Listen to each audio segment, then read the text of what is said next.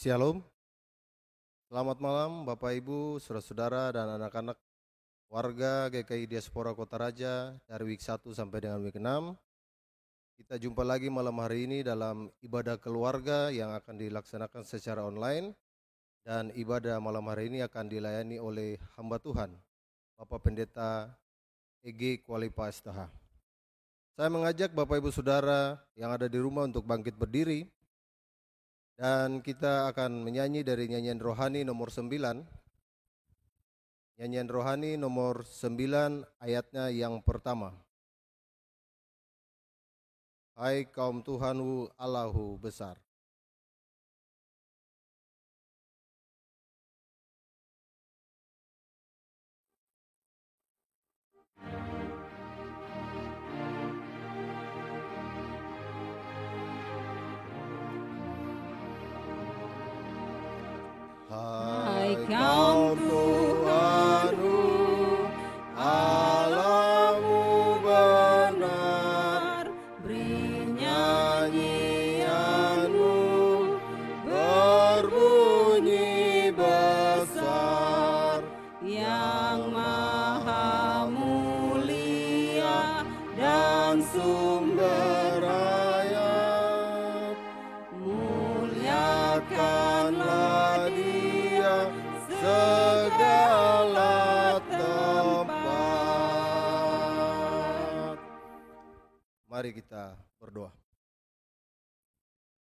Tuhan Allah Bapa dalam kerjaan surga, malam hari ini kami bersyukur dan berterima kasih atas penyertaan-Mu bagi kami. Hingga di kesempatan malam yang berbahagia ini Tuhan, kami masih diberikan kesempatan bagi umat Tuhan untuk ada dalam peribadatan keluarga yang kami laksanakan secara online atau live streaming. Mari Tuhan berkati akan ibadah yang kami laksanakan pada malam hari ini, kiranya berjalan dari permulaan, pertengahan sampai dengan akhir, dan kami alaskan ibadah ini di dalam nama Bapa, Anak, dan perantaraan Roh Allah yang kudus. Amin. Saya persilakan Bapak Ibu Saudara untuk duduk kembali. Bapak Ibu Saudara yang diberkati Tuhan, Allah yang kita sembah adalah Allah yang senang dengan puji-pujian. Oleh karena itu kita akan bermasmur bagi Tuhan di malam hari ini. Masmur puji-pujian yang saya pilihkan pada malam hari ini terambil dari kitab Mazmur pasal 145. Mazmur, Mazmur pasal 145 ayat 14 sampai dengan ayatnya yang ke-21. Mazmur 145 ayat 14 sampai dengan ayatnya yang ke-21. Dan kita akan baca secara berbalas-balasan. Saya akan membacakan prekop dan ayatnya yang genap. Bapak Ibu Saudara yang ada di rumah membacakan ayatnya yang ganjil. Dan pada ayatnya yang ke-21 kita akan bacakan secara bersama-sama. Mazmur 145 dengan perikop puji-pujian karena kemurahan Tuhan. Ayat 14, Tuhan itu penopang bagi semua orang yang jatuh dan penegak bagi semua orang yang tertunduk. Mata sekalian orang menantikan engkau, dan engkau pun memberi mereka makanan pada waktunya. Engkau yang membuka tanganmu dan yang berkenan mengenyangkan segala yang hidup. Tuhan itu adil dalam segala jalannya, dan penuh kasih setia dalam segala perbuatannya. Tuhan dekat pada setiap orang yang berseru kepadanya, pada setiap orang yang berseru kepadanya dalam kesetiaan. Ia melakukan kehendak orang-orang yang takut akan Dia, mendengarkan teriakan mereka minta tolong, dan menyelamatkan mereka. Tuhan menjaga semua orang yang mengasihinya, tetapi semua orang fasik akan dibinasakannya. Mulutku mengucapkan puji-pujian kepada Tuhan, dan biarlah segala makhluk memuji namanya yang kudus, untuk seterusnya dan selamanya. Demikian Mazmur puji-pujian kita di malam hari ini. Kita akan mengaminkan Mazmur puji-pujian kita di malam hari ini sekaligus kita masuk dalam pelayanan firman Tuhan di malam hari ini. Kita angkat pujian dari nyanyian Mazmur 138. Nyanyian Mazmur 138 ayatnya yang kedua.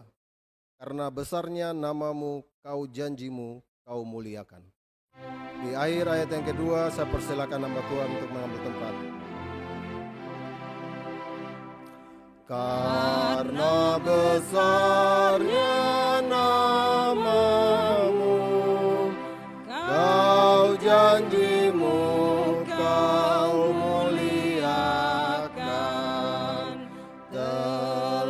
kau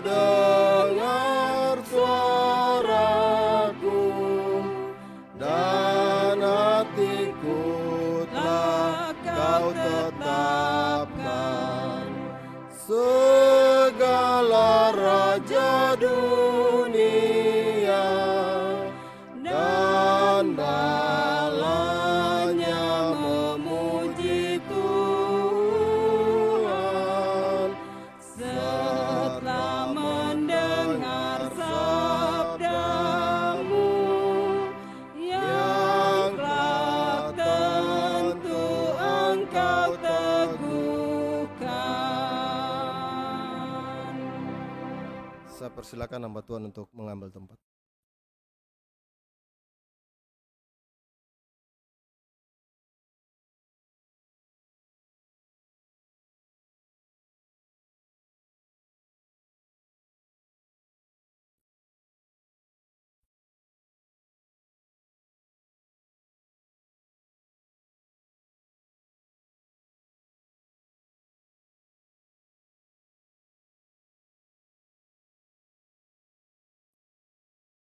Shalom.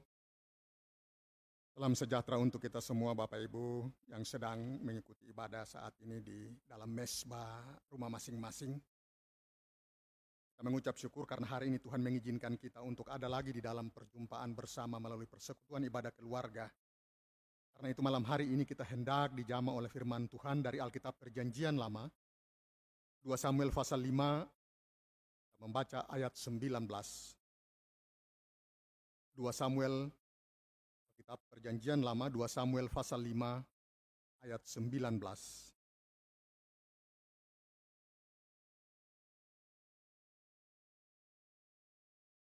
Jika Bapak Ibu Saudara dan anak-anak sudah mempersiapkan bagian firman Tuhan ini, marilah kita berdoa meminta tuntunan roh Tuhan atas pemberitaan firman-Nya. Kita berdoa. Ya Tuhan, Engkau adalah sandaran dan kubu perteduhan kami. Engkau adalah benteng kekuatan kami di dalam menghadapi berbagai pergumulan dan tantangan hidup. Oleh karena itu saat ini kami dimungkinkan oleh Tuhan. Kami ada lagi di dalam persekutuan keluarga. Tengah-tengah persekutuan jemaat di diaspora dari week 1 sampai week 6. Hadirlah di tiap-tiap mesbah keluarga masing-masing kami. Oleh kuasa dan pimpinan roh Tuhan melalui firman-Mu saat ini, kami sanggup dan kami mampu menjalani kehidupan kami di dalam sebuah pertumbuhan iman yang sempurna, yang itu hanya dikerjakan oleh Engkau sendiri sebagai Tuhan dan pemimpin hidup kami. Di dalam nama Yesus, kami berdoa. Amin. 2 Samuel pasal 5 ayatnya yang ke-19 dan Pikop Daud memukul kala orang Filistin.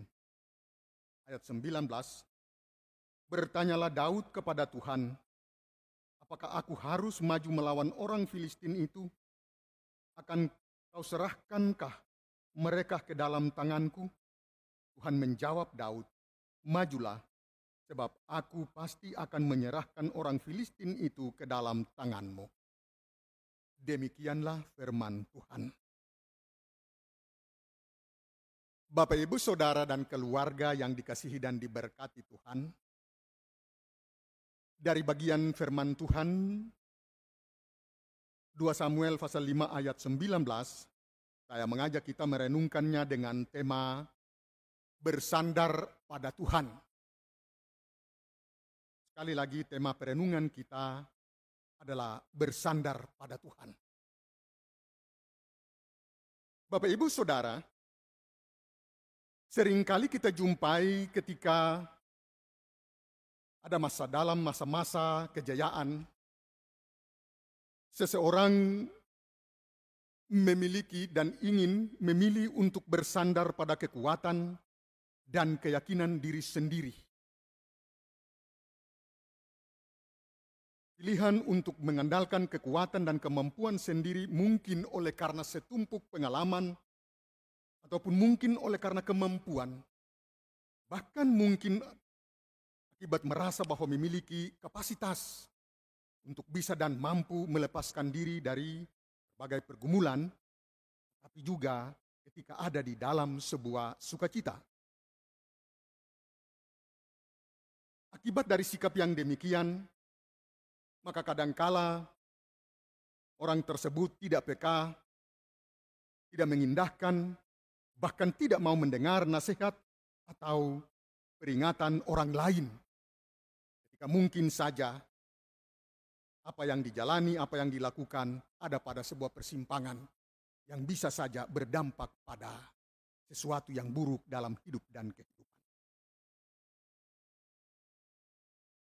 Namun tidak demikian dengan Daud yang kita baca di dalam bagian firman Tuhan ini. Pembacaan kita mengungkapkan tentang siapa sebenarnya Daud.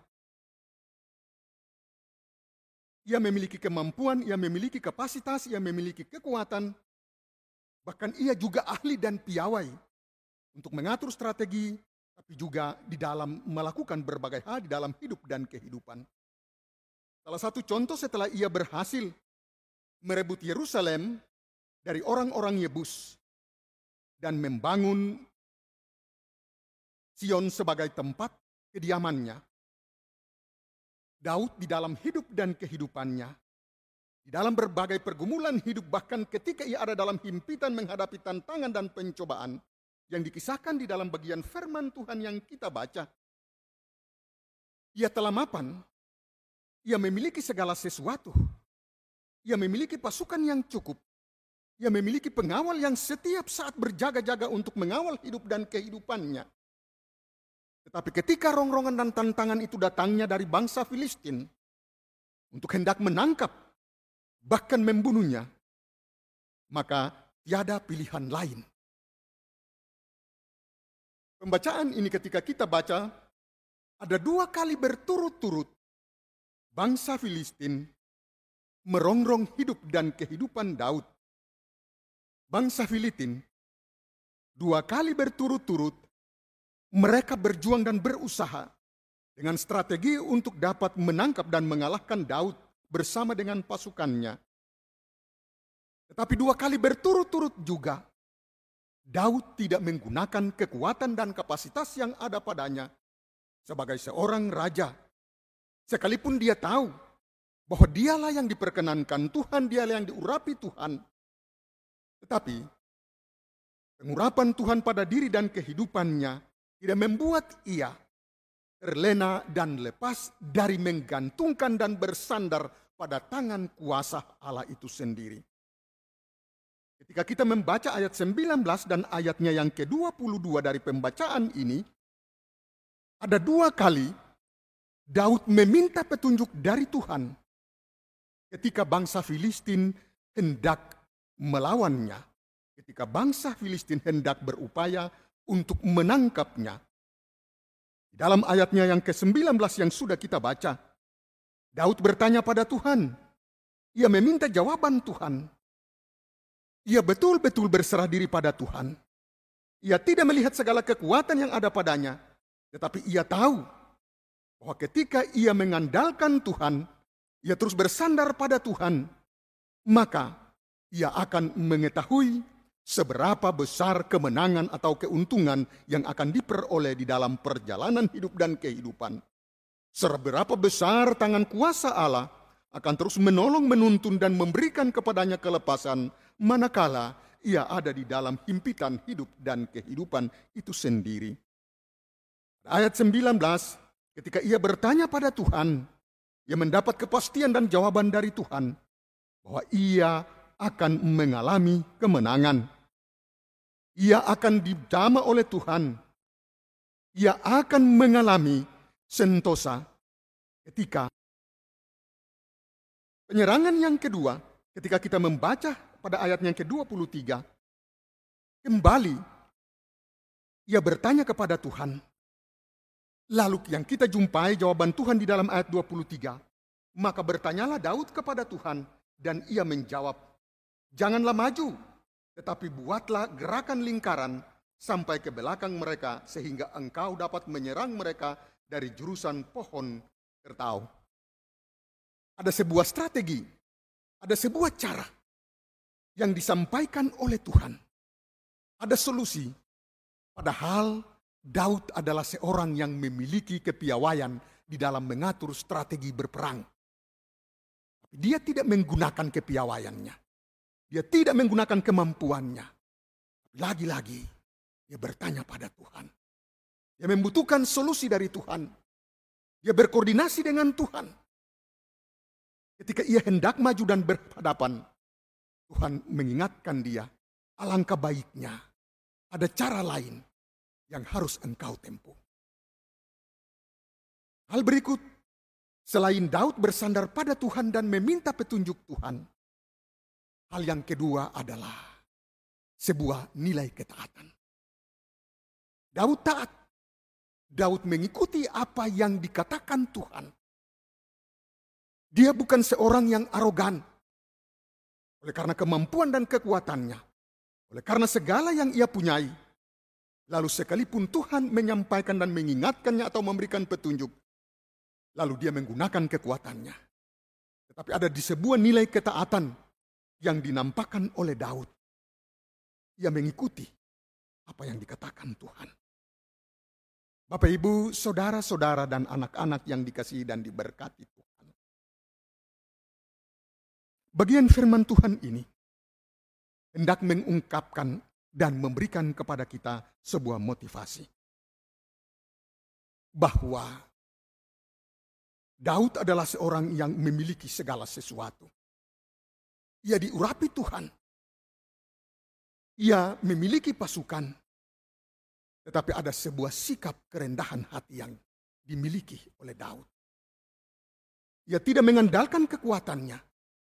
Tapi ia bersandar secara totalitas hidup dan kehidupannya.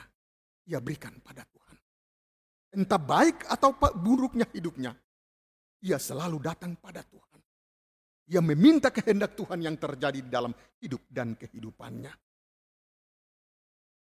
Ia menjadikan Tuhan sebagai sandaran yang kokoh dan kuat di dalam hidup dan kehidupan. Karena ia tahu bahwa ketika ia menyerahkan seluruh hidupnya pada Tuhan, maka jawaban Tuhan adalah jawaban yang menyelamatkan. Jawaban dan petunjuk Tuhan adalah jawaban dan petunjuk yang membahagiakan. Yang berikut yang kita belajar dari Daud. Ia tidak hanya menyerahkan hidup dan kehidupan seutuhnya pada Tuhan. Tapi ia dengar-dengaran. Ia setia. Apa yang dikatakan Tuhan, itulah yang dilakukannya. Ia tidak menggunakan kelebihan dan kemampuannya untuk mengatur dirinya sendiri. Ia senantiasa mendengar apa kata Tuhan bagi kehidupannya bagi keluarganya, bagi pasukannya, bagi umatnya.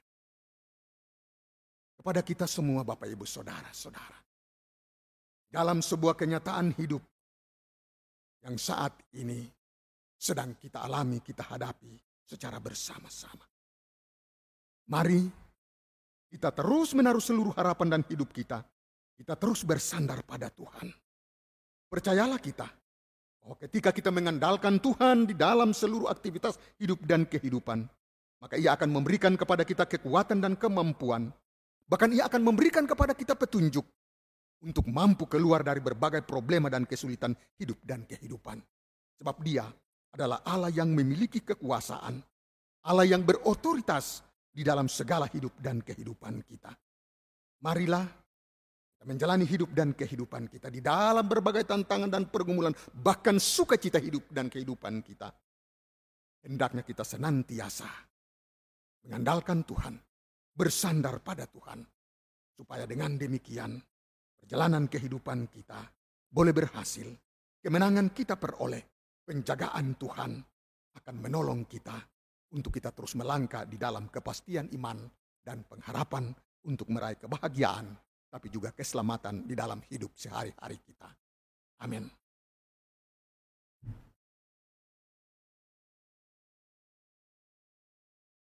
Bapak, Ibu, dan anak-anak yang dikasihi Tuhan, kita hendak menyatakan ungkapan syukur atas segala berkat Tuhan. Kita mempersiapkan nyanyian rohani nomor 129, kita menyanyi ayat 2, sementara persembahan kita berikan di dalam pundi-pundi tiap-tiap keluarga kita. Beri di dalam hamba terpasang kasihmu.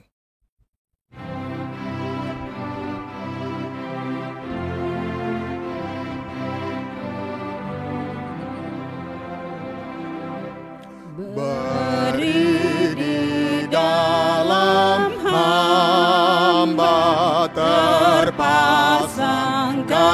kasihmu sedang bertambah tambah sedia hatiku. Kiranya ku gemar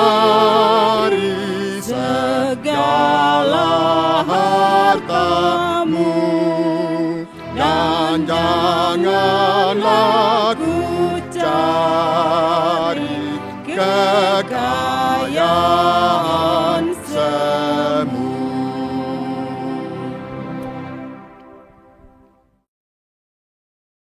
Mari kita berdoa.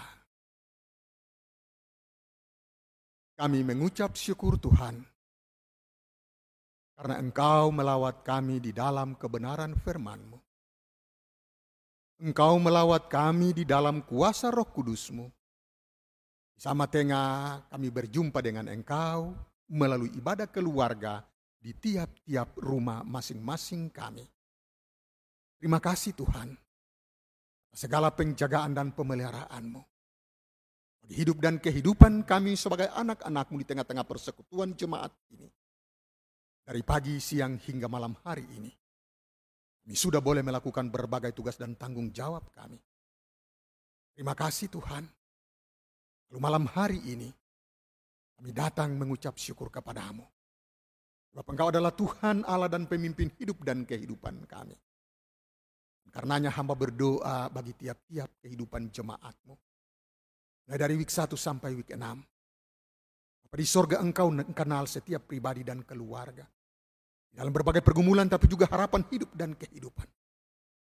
Biarlah firmanmu menjadi motivasi bagi semua kami. Dalam berbagai problema dan pergumulan serta perjuangan untuk harapan dan masa depan. Di dalam karir dan pekerjaan.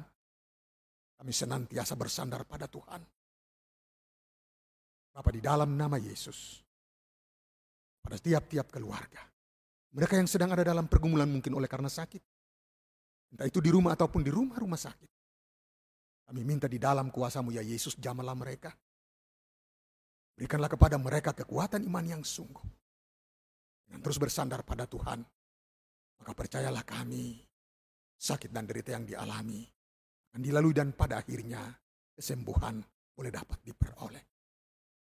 Kami berdoa Tuhan, bagi keluarga-keluarga yang sedang mengalami kesenjangan, oleh karena berbagai problema hidup. Bapak di sorga engkau adalah Allah yang maha baik. Hadirlah, lurkan tangan kasihmu, eratkanlah hati setiap keluarga yang sedang ada di dalam kesimpangan jalan. Kami berdoa Tuhan, bagi anak-anak, bagi para remaja dan orang-orang muda kami, mereka yang sedang kehilangan harapan mungkin oleh karena masa depan, Mungkin oleh karena pekerjaan, ataupun mungkin oleh karena pengaruh. Dalam kuasamu kami minta ya Tuhan, jamalah mereka Tuhan. Bawalah mereka untuk senantiasa mengenali diri sendiri, tapi juga senantiasa mengandalkan Tuhan dalam berbagai pergumulan hidup dan kehidupan. Terima kasih Tuhan pada semua hamba-hambamu, para pelayan firman pendeta bersama keluarga, para penatua siamas, badan pelayan unsur di tengah-tengah jemaat ini. Tuhan jamah semua hamba-hambamu dalam segala pergumulan dan tugas tanggung jawab sehari-hari. Terima kasih Tuhan. Kami datang dan kami berdoa, kami taruh panitia penjaringan majelis jemaat untuk periode lima tahun yang akan datang, yang sedang bekerja. Secara khusus bagi setiap anggota sidi jemaat yang memiliki hak untuk memilih dan dipilih. Berilah roh kudusmu, supaya dengan demikian mereka boleh menggunakan hak ini yang pada akhirnya engkau dimuliakan. Kepada panitia atau panitia penjaringan, Tuhan jamah mereka, Tuhan kuatkan, Tuhan berkati, Tuhan berikan kesehatan dan kekuatan untuk segala proses yang sedang dilalui dan dikerjakan. Kami berdoa kami taruh tim multimedia di dalam kuasa anugerah dan pertolongan Tuhan, keluarga-keluarga mereka pribadi, pekerjaan, segala yang menjadi harapan dan pergumulan mereka, kami taruh pada Tuhan. Kami taruh tim yang sedang mempersiapkan diri, mempersiapkan segala hal untuk perayaan HUT GKI pada tanggal 26 Oktober yang akan datang. Tuhan terus menolong dan memberkati setiap orang yang memberi diri, waktu, dan tenaga untuk berpikir tapi juga bekerja untuk melaksanakan sebuah perayaan. Terima kasih Tuhan Yesus. Berdoa bagi majelis yang mendampingi hamba untuk pelayanan di malam hari ini. Tuhan berkati, Tuhan jamah. Dengan demikian pelayanan ini pada akhirnya membawa hormat dan kemuliaan bagi nama Tuhan. Main orjen, semua kami yang terlibat. Tuhan berkati. Ini kami, ini syukur kami.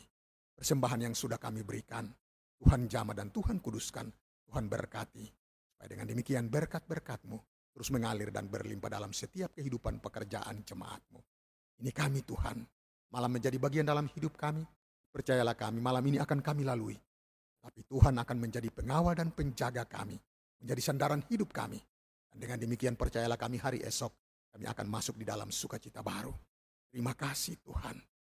Ini syafaat kami. Ampuni kami, dalam namamu ya Yesus kami berdoa. Amin. Kita hendak mengakhiri ibadah kita.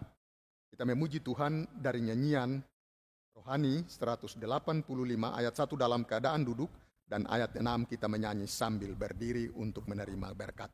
Bergandengan tanganlah kami pun tegak teguh.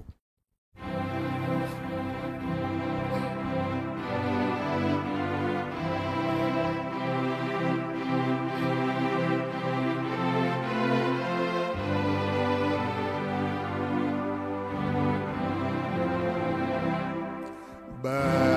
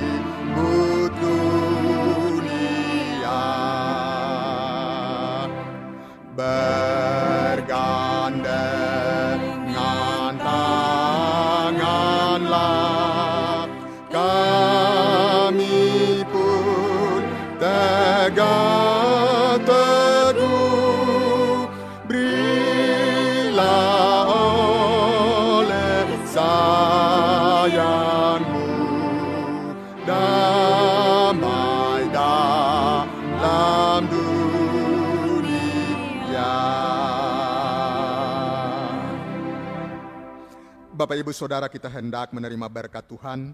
Kita menyanyi nyanyian rohani nomor 19 dalam keadaan berdoa sebagai pengganti kata berkat. Berkati dan lindungi kami, Hu.